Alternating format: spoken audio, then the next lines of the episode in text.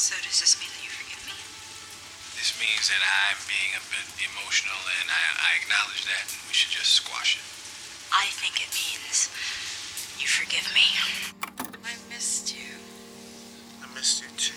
The way you owned up to everything, it just showed me how much you've grown, you know?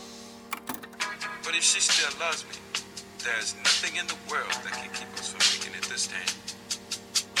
Starting all over again is gonna be rough. So rough. But we gonna make it. Oh. Burgers, ambtenaren, ambtenaren, burgers. Jullie zijn net een getrouwd stel. Misschien ontkennen jullie het. De burger zal nooit zeggen in één bed te willen slapen met een ambtenaar. En de ambtenaar vindt zijn relatie met de burger vooral heel institutioneel. Maar denk eens hieraan. Jullie kibbelen wat af, er worden om de haverklap oude koeien uit de sloot gehaald, er is dubbelzinnige communicatie en vooral zijn er eindeloos opgestapelde emoties. En dat terwijl jullie levens zo vervlochten zijn, op bijna ieder gebied. Gigantische huwelijksproblemen, nietwaar? Laten we beginnen de huwelijkscrisis op te lossen. Hoe mooi als de overheid en burgers straks lange strandwandelingen maken en elkaar hypothetische ontbijtjes op bed geven. Ik, Fritsie Rijerman, onderzoeker bij Kwinkgroep en expert op sluimerende publieke zaken, En ik, Sarah de Monchi, journalist en jawel guru in de love area, gaan aan de slag met de twee liefdespartners en nemen ze mee naar de bruine sofa. Dit is Liefdeslessen voor een ambtenaar. Lieve luisteraars, welkom bij alweer de laatste aflevering van Liefdeslessen voor een ambtenaar. In deze aflevering zoomen we in op dat moment in je relatie dat je besloot had te scheiden. Het op te geven, de spullen van de ander het raam uit te gooien. Maar dan toch denkt, laten we het samen opnieuw proberen. Maar dan wel radicaal anders. Of, zoals gevierd relatietherapeut Esther Perel het beschrijft, het moment dat je een nieuwe relatie begint met dezelfde persoon. Om te horen of dat kan, samen opnieuw beginnen, spreken we met Lot Mertens, een enthousiaste ambtenaar uit Rotterdam. Met burger Marieke, die het wel eens op een andere manier wilde aanpakken. En we spreken met Manu Klaas, co-creatiegoeroe uit Antwerpen. Maar zoals elke aflevering beginnen we natuurlijk met de liefde. Saar, ben jij ooit helemaal opnieuw begonnen met je partner? Nou, ik ben eigenlijk wel blij dat dat in mijn eh, jonge liefdesleven, eh, dat ik nog niet op dat punt gekomen ben. Maar ik kan me natuurlijk wel iets bij voorstellen. Eh, stel, ja, ik ben iets ouder, in de 50 misschien, en ik heb een huis en een hypotheek en kinderen, dat ik dan wel niet het beltje erbij neer zou willen gooien. Ja. Oké, stel je voor, je bent 50 en je hebt een hypotheek en kinderen. En je gaat vreemd. hoe, hoe zou dat dan Ja, gaan? Nou ja, ik denk wel dat het dan misschien al een tijdje niet goed zou gaan. Zoals je dat dan ziet in van die huwelijken. Dat je niet meer met elkaar communiceert en een beetje zo langs elkaar heen leeft. En dat ik dan de spanning op zou zoeken van een minnaar. En eh, nou ja, dat hou ik dan een tijdje vol en dan niet meer. En dan denk ik, oké, nu knaagt het toch te veel. Nu moet Ja. ik het gaan vertellen dat dit gebeurd is. En dan besluit ik het te gaan vertellen. Eh, tijdens het eten, eh, nadat we de afwasmachine hebben ingeremd, denk ik, nu is het moment. En dan schraap ik de moed bij elkaar en zeg ik het hem. Ja, en dan zie je het dan stil worden. Of juist heel veel geruzie en gepraat. En dan uiteindelijk dan loopt hij naar boven en dan pakt hij zijn spullen en dan zegt hij, nu is het klaar. Nu gaan we scheiden. Nu, ja, dit was de bom. En dat ik dan bedenk, nee, nu moeten we het proberen om samen er toch uit te komen en opnieuw te beginnen. En dat ik hem dan vastgrijp bij zijn jas terwijl hij de deur uitloopt. En dat ik dan zeg, we moeten het opnieuw proberen. Maar denk je dat dat kan als je al zo ver van elkaar verwijderd bent? Nou, dat is de grote vraag van deze aflevering. Met het eeuwige geruzie van afgelopen afleveringen hebben we gezien dat de burger en de overheid regelmatig helemaal klaar zijn met elkaar. Maar soms proberen ze ook samen opnieuw te beginnen. Dat gebeurde in de Rotterdamse wijk Middenland. Daar zocht de burger en overheid naar een manier om radicaal en samen opnieuw te beginnen. Met Rotterdam case study komen we erachter wat er nodig is om deze gewaagde manier van relatietherapie tot een succes te maken. Ik begin bij het begin. In Middenland werkte de meest atypische gemeenteambtenaar die ik ooit heb ontmoet. Lot Mertens. Ze draagt een rood-roze vest en gouden sneakers en kan kletsen met elke Rotterdammer. Ik bezoek haar in het gemeentekantoor.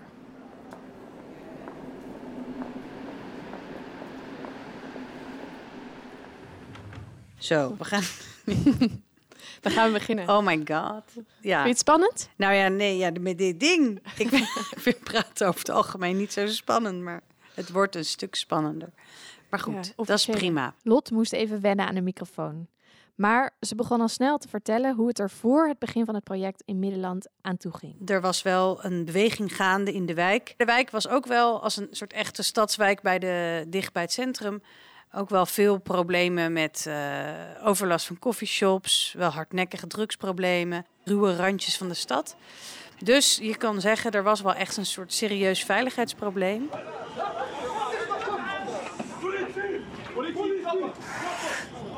Oké, de relatie tussen de burger en overheid liep alles behalve lekker. Er werden wel dingen geprobeerd, maar niets hielp en dat leidde tot frustratie. Toen waren de burgers er klaar mee dat er niet naar hun oplossingen werd geluisterd. Ze riepen de burgemeester op het matje. En toen heeft de burgemeester niet gezegd, eh, eh, nou jongens, jullie doen het er maar mee of zo. Maar die heeft gezegd, oké, dan gaan we co-creëren. Maar ik stel er wel een voorwaarde aan en dat is dat ik wel belangrijk vind dat alle inwoners van de wijk een plek of een rol of iets kunnen krijgen in, in dat programma. Fritsie, jij zit goed in de overheidstermen. Leg nog even uit wat co-creatie nou precies betekent. Co-creatie is een vorm van samenwerking tussen de burger en de overheid, waarbij alle deelnemers invloed hebben op het proces en het resultaat van het proces, zoals het nieuwe plein of gebouw in je buurt of nieuwe regels over bijvoorbeeld het milieu. Co-creatie gaat om samen iets creëren dat er nog niet is. Hey, en als we even teruggaan naar het begin, het moment dat jij hoorde dat je eigenlijk samen met de bewoners 7 miljoen op je bordje kreeg. Wat was je eerste reactie? Oh, best wel vet. Wel inderdaad het idee, ja jeetje, hoe moeten we dit nou eigenlijk doen, weet je? Lot begon met een hoofd vol vragen, maar wel met frisse moed aan dit project. Bewoners mochten zelf bepalen hoe ze 7 miljoen euro gingen verdelen. Zou het naar speelplaatsen gaan, parkeerplaatsen, pleinen, straten, ondernemingen of instanties? Ze had nog geen idee. Ik vroeg haar wat ze als eerste opmerkte. het heeft zo lang geduurd tot mensen echt geloofden dat dat zo was. Dat zij 7 miljoen met elkaar mochten verdelen, wat gemeenschapsgeld was. En ik, weet je, ik heb het één keer gezegd, ik heb het twee keer gezegd. We hebben een krant gemaakt. eh, Ik heb het vijftien keer gezegd. Ik heb de burgemeester heeft het gezegd. Iedereen heeft het gezegd, maar dat mensen echt voelen, dit is menens of zo. Of, oh, het is toch niet echt al bedacht. Er zit zoveel achterdocht. Dat vond ik ongelooflijk. Weet je, toch een beetje die... Ja, ja, het zal heus wel een rijdende trein zijn. Eh, wat is er dan allemaal al bekokstoofd? Eh, ze laten niet alles zien. En ehm, ja, dat, dat, dat is natuurlijk heel erg lastig om aan te tonen dat iets niet is wat er ook niet is. Ja. Het viel te verwachten dat wantrouwen als eerste de kop opsteekt. Ik ben benieuwd, hebben de burgers dit ook zo ervaren? Nou, en om die vraag te beantwoorden ga ik op bezoek bij Marieke, een co-creatieburger en bewoonster van Middenland. Als ik een wandeling met haar maak door de wijk, laat ze me alle winkeltjes zien. Ze blijkt zo'n bewoner te zijn die iedereen kent. Hallo. en dat is dus ook een, een, een nieuwe ondernemer. En tegelijkertijd heb je daar aan de overkant Kaya Pastanesi. En die zitten er al sinds de jaren 70, 80 eh, als Turkse ondernemer. Nou, Toko Nederland is een Surinaamse winkel. Kijk maar naar binnen. Alsof je, alsof je in Suriname bent. Ja, daar zit bijvoorbeeld Stone Love. Dat is een, eh, een dreadlock eh, specialist. Dus als je daar naartoe gaat, dan kijk je echt je ogen uit naar... en er komen echt mensen uit België en Duitsland om hun lokken te laten doen. Hoi! Nadat Marieke me de wereld van deze wijk heeft laten zien, lopen we naar binnen en vraag ik haar hoe zij het begin van Mooi Mooier Middenland heeft ervaren. Ik weet dat er een grote bijeenkomst was in, eh, in het eh, zwembad. Daar was de burgemeester ook. En die, die zei toen van oké, als jullie zeggen dat jullie het samen willen doen... dan, dan gaan we ook all the way. Dan gaan we eh, dat hele bedrag met elkaar eh, plannen voor maken, begroten, budgetten eh, en het uitgeven. Maar wat je heel snel merkte was dat, dat mensen in een, in een soort reflex schoten. Dat eigenlijk alles aan de voorkant van het proces al dichtgetimmerd moest zijn. Dus ehm, zij wilden al afspraken maken over hoe de uh, gemeente zou gaan werken, hoe die samenwerking eruit zou zien. Terwijl uiteindelijk bleek dat een, een soort ontdekkingstocht die we samen moesten gaan ondernemen. Uh, als je dan kijkt, dan zal dat ook te maken hebben met uh, uh, dingen uit het verleden. Dat je, de, de, de Middellandstraat bijvoorbeeld als, als ondernemers voelden zich ontzettend in de steek gelaten. Dat er heel veel Europees geld in de binnenweg was gepompt. Dat er heel veel geld in de Westkruiskade was En zij een soort vergeten waren. En Ja, eh, ehm, bewoners waren misschien teleurgesteld over processen die zij hadden meegemaakt. Dus Ja, ja. ik denk inderdaad dat, dat, dat zij dat misschien sterker heeft gevoeld dan ik. Dat dat iets is wat weggenomen moest worden voordat er verder gewerkt kon. Saar, Ja. zullen we nog even terug naar de liefde? Altijd? Ik zie jou namelijk helemaal zitten op die bruine sofa Ja. met je toekomstige man. Mijn 50-jarige zelf. Je bent net vreemd gegaan, vreselijk. Hoe zit je daar in die stoel? Nou ja, goede vraag. Ik, door deze aflevering een beetje te horen, merk ik wel aan mijn toekomstige beeld dat ik wel denk: oh, oké, ik had heel veel zin om deze relatietherapie te starten, maar mijn man heeft daar nog veel minder zin in dan ik. Ja, die, die heeft natuurlijk veel meer wantrouwen nog. Precies. En wat ook heel begrijpelijk is, ik ben vreemd gegaan. En nou ja, maar ik kan me ook wel voorstellen dat ik daar een beetje gefrustreerd van word. Van, hallo, ik probeer jou mee te nemen, laten we samen opnieuw beginnen. Maar waarom doe je niet gewoon mee? Waarom blijf je maar al die oude koeien uit de sloot halen? Ja, en dan volgens mij is de vraag dan hoe jij je wantrouwende partner kan overtuigen om weer samen verder te gaan. Precies. Nou ja, wat ik zou kunnen doen is gewoon lekker met hem die geschiedenis ingaan. Die, die weemoed in wat er mis is gegaan, waarom het mis is gegaan. Wanneer ik allemaal te laat thuis kwam. Wanneer ik de kinderen niet van school had gehaald en waarom ik dat niet deed. En Ja. daar lekker in te vroeten en al die geschiedenis naar Ja. boven te halen. Of je kan juist creatieve manieren verzinnen om samen over de toekomst te praten en meer je te richten op wat er allemaal nog kan gebeuren als jullie weer samen opnieuw beginnen. Precies. Ambtenaar Lot stond ook voor die keuze. Hoe ging zij het wantrouwen van de burger overwinnen? En ik vroeg haar hoe ze dat deed. Het heeft echt zin om het anders aan te pakken. En dan krijg je echt andere verhalen. Ik heb me ook een ander personage mezelf, zeg maar, aangemeten. Dan was ik Mia Middelland. En dan was ik dus verkleed en ben, was ik een ander type. Ook al wist iedereen wel dat ik het was. eh, ik wilde het dan met de mensen hebben over de toekomst. Over hoe ze het zagen. En dus niet allemaal in de klachten van het hier en nu, maar even een beetje verder kijken. En toen ben ik gaan koffiedik kijken. Dus had ik een klein barretje bij me met schoteltjes koffiedrap. Dus ik was een soort waarzegster. Maar in die gesprekken die ik dan had met mensen, was, leverde natuurlijk heel wat anders op. Op een andere manier en iets, aan iets anders appelleren is echt wel heel nuttig om te doen. Vandaag zijn we bij elkaar omdat wij op een belangrijk punt in de toekomst van Middelland staan. Een ander personage. Daar heeft Marieke het ook over. Oh, Mia Middelland. Als zij eh, eh, andere mensen wil horen, dan gaat zij gewoon op een plein staan als een soort eh koffiedikkijkster, inderdaad, met een pruik op. En gaat in gesprek met mensen, maar ook bijvoorbeeld rond het Middellandplein. Eh, op het moment dat zij erachter komt dat er mensen zijn die zich niet gehoord voelen, ja, dan gaat zij langs de huis en dan gaat zij aanbellen. Na alle creatieve oplossingen was er dan eindelijk enthousiasme bij de burger gekweekt voor deze nieuwe vorm van relatietherapie.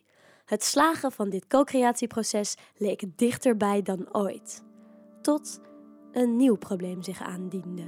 Ik probeerde, daar ben ik overigens grandioos in mislukt, ehm, om collega's van al die beleidsafdelingen mee te krijgen van jongens, want het was co-creatie we gingen het samen doen. Dus ik had voor allerlei programma-onderdelen gewoon collega's nodig die ergens verstand van hadden, want ik heb eigenlijk helemaal nergens verstand van. En dat was heel moeilijk om de collega's in de groef te krijgen. Ga nu op inhoud ook samen aan de slag. De structuur is natuurlijk op gericht dat we alles indelen in kokers. Want je hebt natuurlijk zoveel capaciteit in te zetten en te verdelen en te begroten. Dat je liever het zo inzet, wat je gewoon weet. Nou, die mevrouw is zoveel uur bezig met dat beleidstuk maken. Kost zoveel tijd, ben je zoveel mee bezig. Dat is voorspelbaarder dan een proces in een wijk met een aantal mensen. Het moet dan nog een keer en dan weer anders. Omdat wij dat bestuurlijk experiment werden, was dat dus allemaal ook niet bedacht en dus niet begroot en niet met capaciteit en niet met mensen. En Lot, wat waren de gevolgen daarvan in Middenland? Dan heb je dus last van het feit dat we niet, uh, dat zeg maar de beleidsmensen, die hebben eigenlijk geen uren beschikbaar om naar de wijk af te dalen. Dus de beleidsmensen, die kunnen wel eens de stad ingaan om iets toe te lichten. Maar deze co-creatie, die werkgroep die ontstaan was, die zat in een bepaalde fase van het programma toen het gemaakt moest worden. Ik geloof wekelijks zaten ze op woensdagavond bij elkaar. Dan, gaat zo'n, dan zegt dus letterlijk zo'n collega van de beleidsafdeling: Ja, uh, ik ben daar nu twee keer bij geweest. Dat is het matje, want dat is mijn werk niet. Ja, dus wat hadden wij moeten doen? Van tevoren allemaal dat moeten gaan regelen. Van jongens, daar moeten we beleidscapaciteit hebben en die moeten flexibel zijn. En, nou ja, dat is takken veel werk waar ik geen zin in heb. Dus ik denk, ja, dikke, dat ga ik niet regelen. Oké, dus Lot zegt eigenlijk dat je het hele ambtenarenapparaat nodig hebt om co-creatie te laten slagen. Waarom kreeg Lot ze niet mee? Ik vroeg haar welke overtuiging aan de houding van veel ambtenaren ten grondslag ligt. Wat je ook doet in de wijk, heb je altijd participatieproblemen. Hè, dat mensen vooral van buiten beginnen te toeteren. Ah, wat jullie doen is niet representatief. Uh, nou ja, dus die hele shizzle. En dat is ook vaak een reden hè, voor ambtenaren om dan niet mee te hoeven doen. Dat is al het uitgangspunt van als je met mensen die actief zijn wat doet, dan is dat per definitie niet representatief. Nou, correct, dat is het ook niet. Maar wat jullie in een toren verzinnen, is het per definitie niet.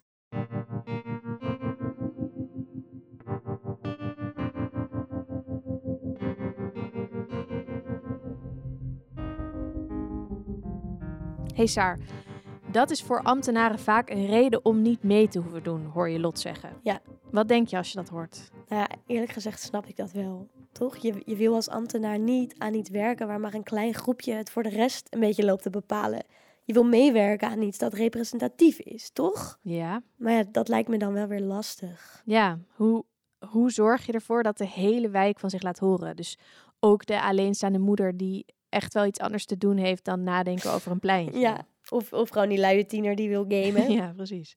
Dus als dat co-creatieproces blijkbaar representatief moet zijn om legitiem te zijn, omdat je alleen op die manier de hele ambtenarij meekrijgt, wat weer een voorwaarde is voor het slagen van co-creëren, nou ja, dan lijkt dit me een mislukt project. Dit is heel ingewikkeld, inderdaad. Dan, dan ben je opeens na twee leuke relatietherapie-sessies tot de conclusie gekomen dat we niet verder komen. Nee. Sarah en ik lopen vast. Om een antwoord te vinden op de vraag of ambtenaren gelijk hebben als ze spreken over representativiteit als voorwaarde voor een legitiem proces, roepen we hulp in. We gaan naar Antwerpen, op naar Manu Klaas, onze co-creatie-expert. We reizen naar Antwerpen nadat we veel over en van Manu gelezen hebben. Deze man heeft een boek geschreven, Red de Democratie, en was een van de belangrijkste en meest zichtbare figuren in een groot co-creatieproject in Antwerpen. Na een wandeling door het centrum van Antwerpen bellen we aan bij een groot oud pand. Een vriendelijk gezicht doet de deur open. Hallo. Hoi. Hallo. Sarah. Leuk Wauw. Voordat we Manu bevragen over representativiteit, geeft hij ons een kort geschiedenislesje over de oorsprong van co-creatie. De overheden in Nederland en Vlaanderen hebben de laatste halve eeuw heel wat instrumenten ontwikkeld om inspraak te verlenen. Zoals uh, je kunt bezwaar aantekenen, uh, je kunt naar de ombudsman stappen en een klacht indienen, je kunt uh, spreekrecht vragen in een gemeenteraad, je kunt allerhande initiatieven nemen. Er zijn infoavonden die verplicht zijn. Dus er is heus heel veel procedureel ontwikkeld om inspraak te krijgen, maar inspraak is nog niet hetzelfde als medezeggenschap. En daar komt die co-creatie bij kijken. Die medezeggenschap betekent dat je ook mee aan tafel zit en mee mag rekenen, mee mag tekenen, mee mag nadenken over dilemma's, ook mee mag nadenken over budgettaire beperkingen bijvoorbeeld, dat je daar een zicht op krijgt. En dat is iets heel anders dan een gemeentebestuur dat op een infoavond plannen komt uitleggen en dat je dan allemaal nog je hand mag opsteken of een post-it aan de muur mag hangen met allerhande commentaren En dat ze dan vertrekken en zeggen van u hoort nog van ons. Dat is inspraak. Maar de co-creatie is samenzitten. Waarom is het nou zo belangrijk dat er co-creatie komt? Die co-creatie heeft het voordeel dat je continu betrokken bent, waardoor mogelijk wantrouwen wegblijft. Dus wat hebben wij gemerkt bij de reguliere inspraak? Dat er daar lange momenten zijn, na het indienen van een bezwaarschrift of na een infoavond, dat je helemaal niets meer hoort. Lang, maandenlang. En dan ontstaat wantrouwen. En dan beginnen mensen zich af te vragen, was het was for real? Zijn wij hier nog wel betrokken? Wat zijn ze daar allemaal aan het doen? Dus co-creatie is een stap verder. En Manu, we hebben van Lot vernomen dat ambtenaren graag willen dat co-creatieprojecten representatief zijn. En uh, als ik een ambtenaar zou zijn en ik krijg die opgave op een bordje, dan zou ik denken dat is een onmogelijke opgave, laat maar. Dus uh, verlos ons, kan je ons vertellen, moet co-creatie eigenlijk representatief zijn? De representatie nastreven in dat soort processen, dat mag niet de hoofdambitie zijn. Het is uh, belangrijk dat je er blijft naar streven, maar het mag geen domper op de feestvreugde zijn. Het mag niet, omdat je het nog niet hebt, mag je niet redeneren, omdat we het niet bereiken, zullen we het niet doen. Zullen we de mensen niet samenzetten. Het is belangrijk in een co-creatief proces dat de mensen die aan de tafel zitten verschillende belangen vertegenwoordigen die zichtbaar gemaakt worden. Eigenlijk moet je dus als overheid het vertrouwen hebben dat de belangen die uh, spelen naar boven komen als ze nog niet gerepresenteerd worden door een van de groepen die reeds aan tafel zit. Zo blijft dat ook een open proces. Dus uh, het is nooit afgesloten in de zin van we hebben nu bepaald wie aan tafel komt en er komt niemand meer bij. Zelfs dat blijft een open proces. Op een bepaald moment haken er ook soms mensen af, omdat ze het gevoel hebben van dit loopt of uh, wij kunnen nu even iets anders doen. Heel belangrijk is dat je dat co-creatief proces wel zichtbaar maakt. Dus dat er transparantie is, dat er geen wantrouwen ontstaat tussen zij die deelnemen en de anderen die ook wel een impact hebben van de besluitvoering, maar niet deelnemen. Dus, Fritsie, met wat Manu ons zojuist verteld heeft in gedachten. Stel, Lot en de bewoners verzinnen een nieuwe functie voor een plein. Is het dan erg als er maar vier bewoners aan tafel zitten? Mm, nee, in principe niet. Als alle andere bewoners maar kunnen weten wat er besproken wordt en welke belangen door de mensen die aan tafel uh, zitten vertegenwoordigd worden. Want als zij zien dat hun belang nog niet aan tafel besproken wordt, dan kunnen ze zich in een open proces alsnog melden. Oké, okay, dus wat ging er nou mis met het ambtenarenapparaat van Lot? Uh, vraag je dan af, toch? Mm -hmm, die ja. ambtenaren die willen natuurlijk heel graag gedoe aan het einde voorkomen. En zeker als er zo'n heel co-creatieproces wordt opgetuigd, dan ja. zijn ze bang dat de mensen die om dat pleintje wonen, maar dan niet aan tafel zaten, alsnog gaan stijgeren als het nieuwe plan gepresenteerd wordt. Dan was al hun werk voor niets. Ja. En daarom willen ze dat iedereen aan tafel zit. Maar, horen we nu van Manu eigenlijk, is dat een foute aanname. Want Manu vertelt ons dat niet per se iedereen aan tafel moet zitten om dat gedoe te voorkomen. Er kan toch draagvlak zijn voor die oplossing, ook al was de groep mensen die aan tafel zat niet per se representatief voor die hele wijk. Manu legt uit hoe je in de gaten houdt of je voldoende draagvlak hebt. Er is ooit een socioloog geweest in Vlaanderen die daar onderzoek gedaan heeft naar het draagvlak voor de opera. De opera is een zeer elitair iets in de beleving van veel mensen. De meeste Nederlanders en de meeste Vlamingen komen nooit in de opera. En toch is er draagvlak voor de opera als instituut, zoals er ook draagvlak is bijvoorbeeld voor het Rijksmuseum of zogezegde dure elitaire machines. Daar is draagvlak voor. En hoe komt dat? Dat is omdat um, die socioloog heeft dat mooi uitgelegd en heeft daarbij het beeld van die ui gebruikt. Hij zegt een ui heeft vele schillen. En in de kern, in de kern daar zitten de mensen die een abonnement hebben, een jaarabonnement op de opera. De tweede schil, dat zijn de mensen die heel regelmatig naar de opera gaan. De derde schil is af en toe naar de opera. De vierde schil is ik kom er wel eens, een paar keer per jaar. De vijfde schil is ik ben al eens in de opera geweest. En zo, die schillen worden breder, maar de buitenste schil, dat is de schil van mensen die nooit naar de opera gaan en die uh, die opera ook weg willen. De voorlaatste schil, dat is de schil van de mensen die nooit naar de opera gaan, maar zullen strijden dat die opera er blijft. En dat is de groep die je moet mee hebben voor het draagvlak. Dus de, de binnenste schillen, dat is evident. De buitenste schil, die ga je waarschijnlijk nooit meekrijgen. Maar hoe dikker die voorlaatste schil is, namelijk zij die zeggen: Ik ga nooit naar de opera, dat is niks voor mij, maar ik vind het heel belangrijk dat dat er is. Die schil moet je mee hebben. En dat is zo bij heel veel projecten. Als je dat vertaalt naar dat pleintje, je zult altijd een groep hebben die ook op het einde van de rit zegt: Dit deugt voor geen meter, dat pleintje. Van belang is dat je die voorlaatste schil van de mensen die niet betrokken waren bij het besluit, bij de, heel het proces, maar die op het einde van de rit toch zeggen: Dit is echt wel wat we moeten hebben als pleintje. Die schil moet zo breed mogelijk zijn. En dan mag je spreken van een draagvlak. Maar een draagvlak zal nooit 100% zijn, maar het mag ook niet de hardcore deelnemers zijn. Je moet, je moet die groep die daar net buiten zit, die moet je mee hebben.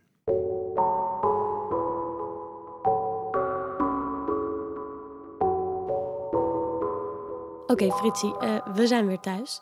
Wat is jou nou het meest bijgebleven van Manu? Um, ik denk de constatering dat een co-creatieproces geslaagd is als er voldoende draagvlak is voor het resultaat. En daarvoor hoeft dus niet iedereen aan tafel te hebben gezeten. Oké, mooie observering. Hoe gaan we nu verder?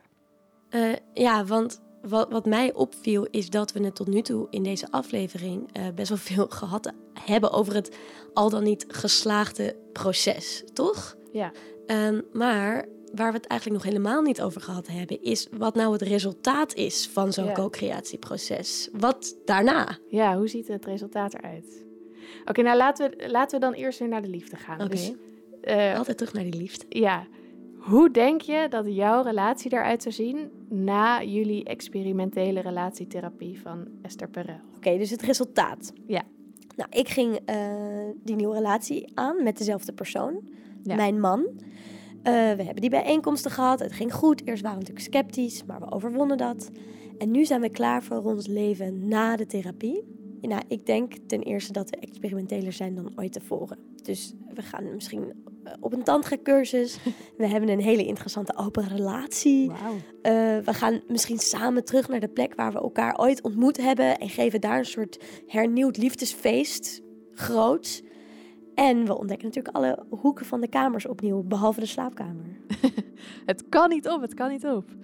Ja, jullie gaan een spetterende, grootse, allesomvattende liefde tegemoet eigenlijk. Dat, dat stel ik me dan zo voor, ja. nou, het gekke is, als je kijkt naar de, het post-relatietherapie-tijdperk tussen burger en overheid in Middenland, ja. dan ziet dat er wel anders uit. Het proces is heel experimenteel geweest, maar het resultaat is eigenlijk heel uh, ja, middelmatig. Toen we bezig waren met die dingen um, in de fysieke ruimte, dacht ik: jeetje, wat is het allemaal inderdaad net niks. Het is een beetje middenmaat. En pas daarna ben ik eigenlijk gaan inzien dat, de, dat omdat het een middenmaat is, is eigenlijk, dat is eigenlijk het beste wat we kunnen doen. Nou ja, uiteindelijk werden de co-creatiepleinen dus helemaal niet zulke bijzondere zwemvijvers of grootste klimopprojecten of parkeerwalhalla's. Maar ook burger Marieke vindt dat niet erg. Eigenlijk ben ik helemaal niet van het compromis. Als je me thuis zou uh, treffen, dan. Uh, maar ik, ik kan inderdaad over het Branco, uh, Branco van Danzigpark. Als ik daar doorheen loop, dan vind ik het af en toe tuttig en knullig. En tegelijkertijd uh, kan ik er ook een soort heel blij van worden als ik er doorheen loop en, uh, en de mensen daar zie zitten en de kinderen zie spelen. Want daarmee is het dus ook van iedereen. Hoe kunnen we het verhaal van het midden sexy maken? Want het is natuurlijk nooit echt helemaal fancy dit of fancy dat. Maar het verhaal van het midden is wel het geluid dat we nooit zo goed horen. Want we horen altijd gepolariseerde dingen.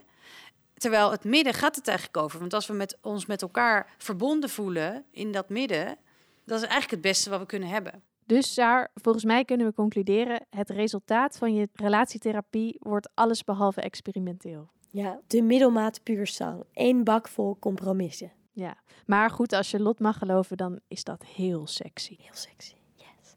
Wat is er nodig wanneer je samen opnieuw wil beginnen? Nou, je kunt er de donder op zeggen dat oud wantrouwen naar boven zal komen. En daardoor moet je je niet van de wijs laten brengen, maar volhouden. Je hoeft niet een pruik op te zetten zoals Lot dat deed, maar laat zien dat je moeite doet om het vertrouwen bij de ander terug te winnen. Dat werkt. Binnen de gemeentelijke organisatie moet er stiekem best wel veel gebeuren.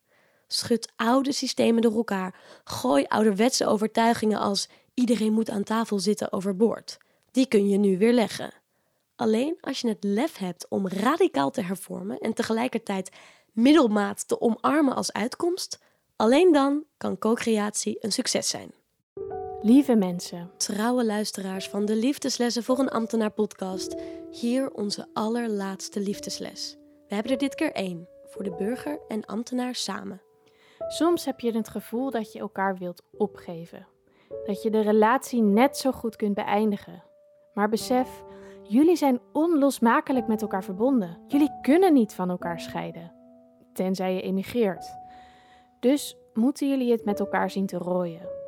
De een vindt de ander ijskoud en rationeel, en de ander vindt de een weer te ongenuanceerd en te emotioneel, maar daar moet je doorheen prikken.